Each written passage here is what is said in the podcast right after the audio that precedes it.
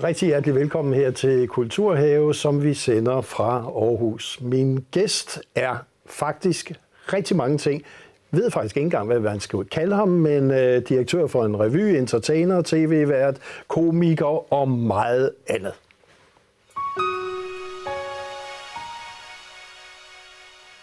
Ja, hjertelig velkommen til dig, Mikkel Skrøder Uldal, og jeg vil kalde dig Mikkel Skrøder øh, resten af udsendelsen. tak, Christian. Nu, det var jo ligesom, vi skulle prøve at få en titel på dig og få ja. dig i nogle bokse. Og det må jeg sige med det samme, det var svært. Øh, det, det lykkedes det ikke. Det, det lykkedes ikke. Og det ved jeg, det har du egentlig godt med. Ja, det har jeg faktisk. Ja. Det har jeg faktisk, fordi øh, jeg er med på, at når man skal ud og kommunikere, hvem man er og hvad man laver osv., så, videre, så har folk det meget med, at de gerne vil have det i en kasse, og de kan forstå det og tygge det igennem osv. Men øh, jeg synes jo, det interessante ligger der, hvor øh, overraskelsen ligger, og hvor at ting lige pludselig kan være mange ting. Ja. Den her gave, man sidder med, der kan åbne sig som en æske og folde sig ud. Det, det synes jeg på det kunstneriske plan er spændende. Og det repræsenterer jeg. Det er ikke et valg, at det er blevet sådan. Det er bare et vilkår igennem min opvækst og ungdom, og nu til en alder af 47, hvor det som en eller anden trakt er begyndt at samle sig. Men jeg har været mange steder hen, så det er svært at sige lige præcis. Og, og det der med mange steder hen, det, det kunne jeg godt tænke mig, at vi lige fik uh, fortalt seerne lidt, så de lige er med. Og så den trakt, der vil føre til, at nu er du også direktør uh, for en af Danmarks ældste revyer, nemlig Rottefælden i Svendborg. Legendarisk. Ja. Uh, men kunne du ikke bare lige tage os med på den der tur, uh, hvad du egentlig har lavet? Og, jo, op jeg, til det? Altså, jeg, jeg tror, at det hele det på en eller anden mærkelig måde startede med at være søn af to skuespillere. Det vil sige, at man blev slæbt med rundt på teatre og produktioner, og øret, det hørte alle mulige ting. Og mit øre er sådan set det, jeg i dag bruger mest og navigerer mest efter. Øh, så der har været alle mulige indtryk der. Øh, så begyndte jeg at spille trommer, og levede af det til jeg var i midt-20'erne cirka, og arbejdede på pladeselskaber, blev turmanager, og rejste jorden rundt, og var lysmand i Cirkusrevyen. Og så begyndte jeg lige pludselig at stå på scenen og lave forskellige småroller, og begyndte at skabe shows selv, og producere dem, og få dem sat i værk og så videre. Og så lavede jeg børnetv i mange år ude på DR. Og så begyndte der lige pludselig, så var det ikke tv længere, så var det det der med at lave shows og skabe, og samtidig med at jeg spillede trommer ved siden af, og så trak jeg trommerne og det musikalske og sangen med ind i mine shows, og så begyndte jeg også at få showsene på tv, og så kom der noget revy ind over, og lige pludselig så er vi her, hvor vi er nu. og det er jo smukt. Og så øh, sidste år var det vel, mm. øh, så nyt er det. Ja. Øh, så overtog du så rollefilmen. Pia Ullehus, den gamle ja. ejer, øh, øh, henvendte sig, fordi jeg var dernede og spille, og sagde, vil du ikke overtage? Øh, og så sagde jeg bare ja, og det er typisk for mig. Nogle gange så får jeg ikke altid lige tænkt, øh, men handler. Og når jeg så har sagt ja, så skal jeg jo gennemføre. Øh, ja det bliver man jo nødt til. Ja, det bliver man ja, nødt ja, til. Ja. Øh, og jeg lider muligvis af, af, af en, en, noget, der ikke er så godt, noget med ikke at ville tabe ansigt. Det er noget, jeg arbejder med. Altså det her med, at, at øh, jeg, jeg skal faktisk blive bedre til at sige fra. ja. Øh, fordi der er i mit liv tusind idéer hver eneste dag, og, og det handler om at, at få dem sat lidt til side og ikke reagere på dem alle sammen. Ja. Men den her, den reagerede jeg på, og, og synes, det var sindssygt spændende at se, om vi kunne prøve at få revyen bragt ind i en ny fase. Og det er det, vi er godt i gang med nu. Og så har vi et lille klip øh, fra årets Rottefælde ja. premiere, ja. Øh, og det kommer her.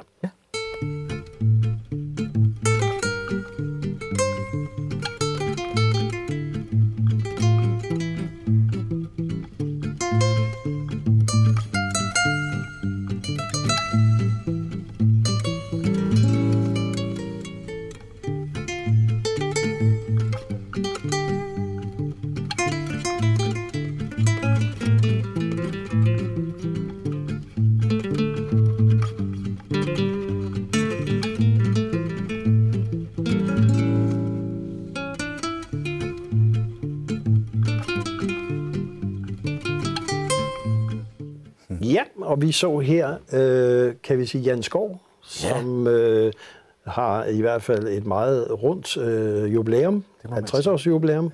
Ja. Øh, Anne Herdorf, ja. Christine Astrid, og så øh, kapelmester er Jens Krøyer. Lige præcis. Lige præcis. Øh, det team, I er, i Rottefælden, og hvorfor at du sagde ja til det. Kan du ikke lige fortælle lidt om det? Jo, altså, øh, Jan har jo tegnet revyen i Rottefælden igennem 4-25 år, ikke? Øh, og og øh, Rottefælden, som du også selv sagde, er jo faktisk Danmarks ældste sommerrevy, og traditionsbunden af Hækkenfælds til. Og lå jo ude i det gamle Rottefældhus med grund af nogle brandkrav, så er vi blevet nødt til at flytte det ind på Svendborg Teater. Ja. Øh, og, og, og det team, vi er, det er jo afgørende for, hvad vi udkommer med.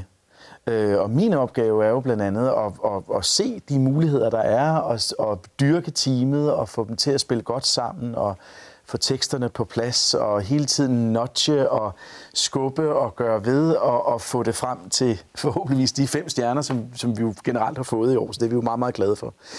Øh, men det er et sindssygt godt team, og det er også et vanskeligt team, fordi de kender jo hinanden meget, meget godt. Altså Jens øh, Krøyer og, og Jan har arbejdet sammen i mange år, og så kommer jeg der med mine tanker. Så det, øh, det er noget med at prøve med, med, med psykologi og ordentlighed og, øh, og kommunikere, hvad man gerne vil, og, og, og få ting til at udvikle sig. Det er sindssygt spændende. Men det er et meget, meget godt team, vi har i år dernede. Jeg er meget, meget glad for det. Og det er revyen, som jo ikke ellers tilhører, man kan sige, i den elitære del af den danske kunstverden.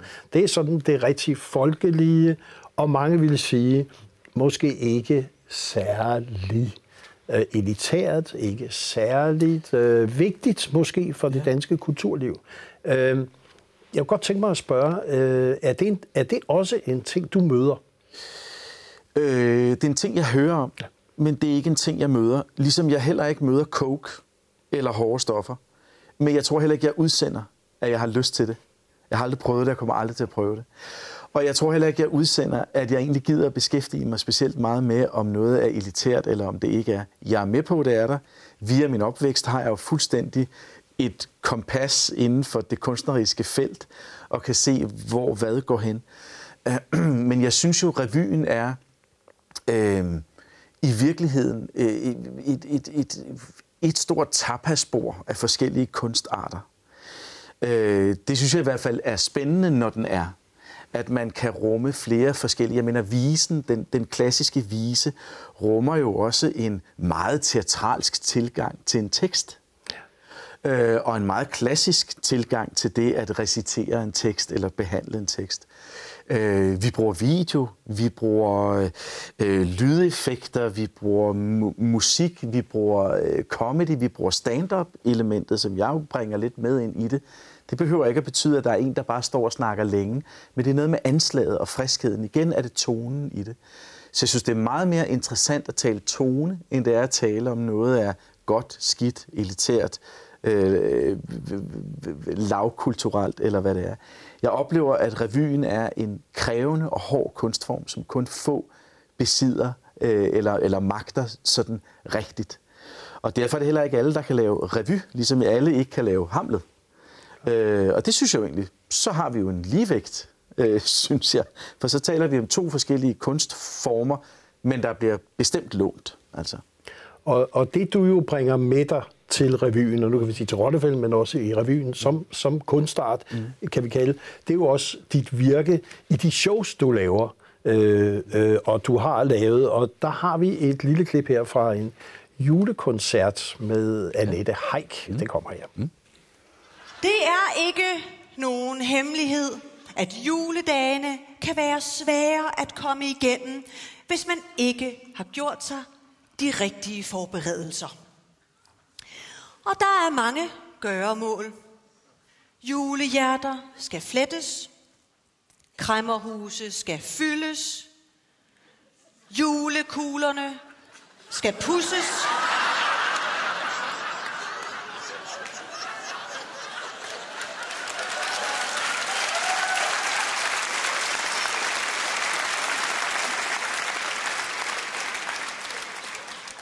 Tak.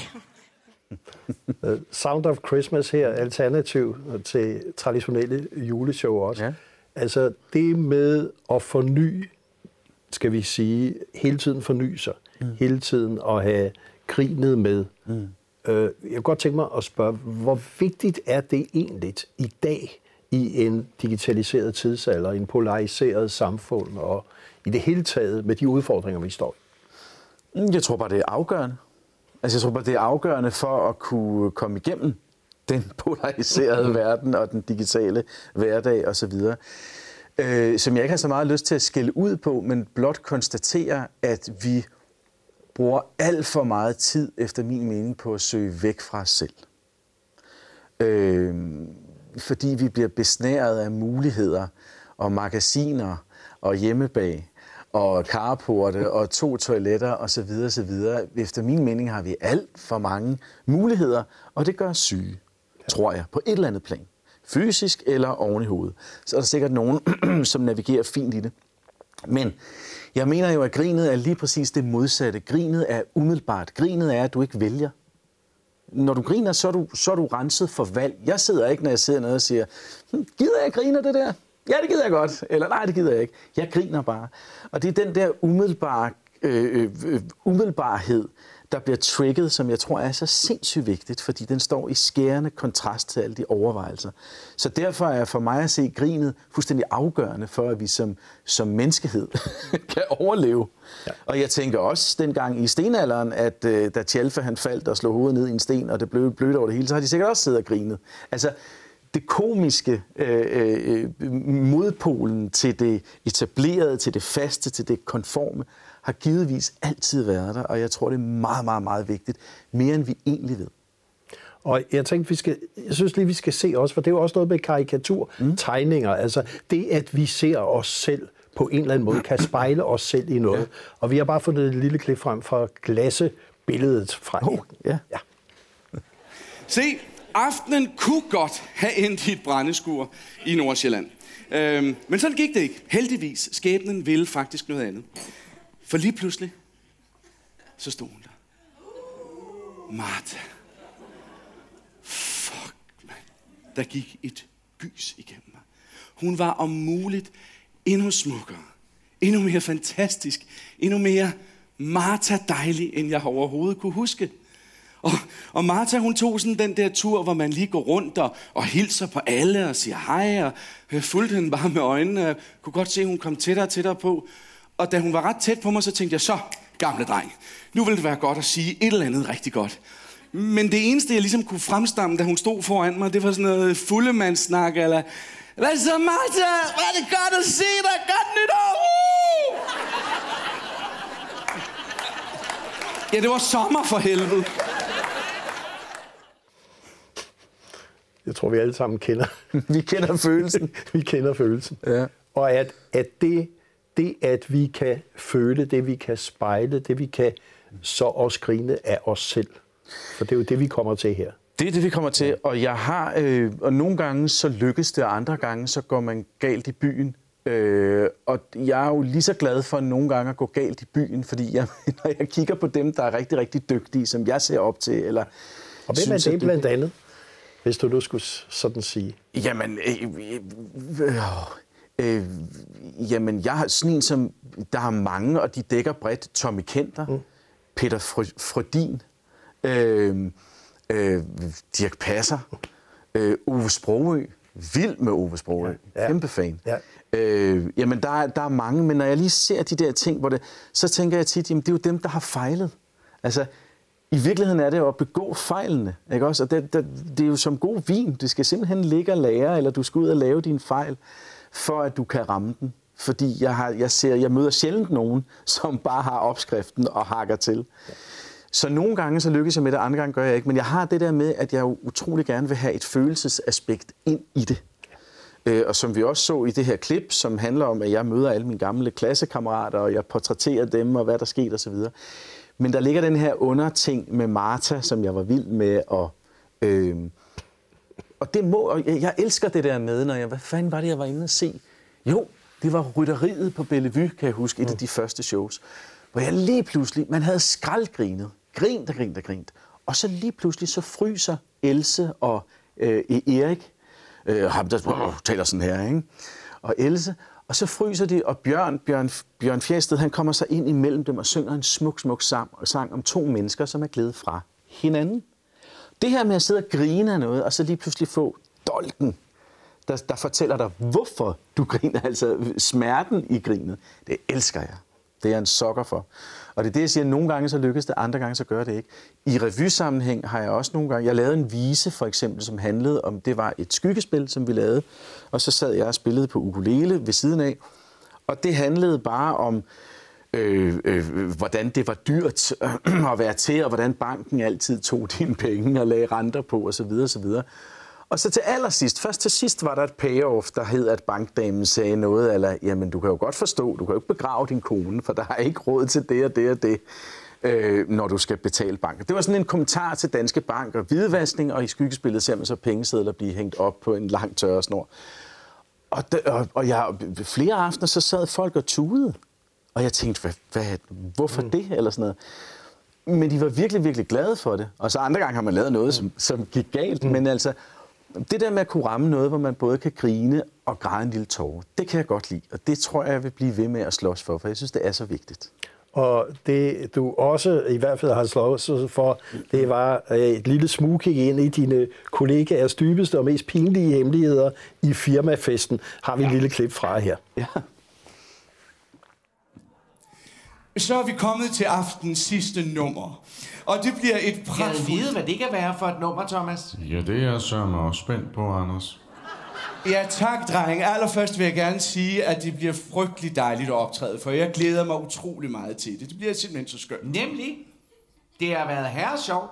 Nej, det har det så ikke. Det har det da. Vi har da stået og ikke kunne lade være med at grine hele tiden. Ja, altså alle de steder, vi havde aftalt, vi skulle stå og ikke kunne lade være med at grine hele tiden. Nej, det var fordi, du sagde herre sjov. Det siger man altså ikke mere.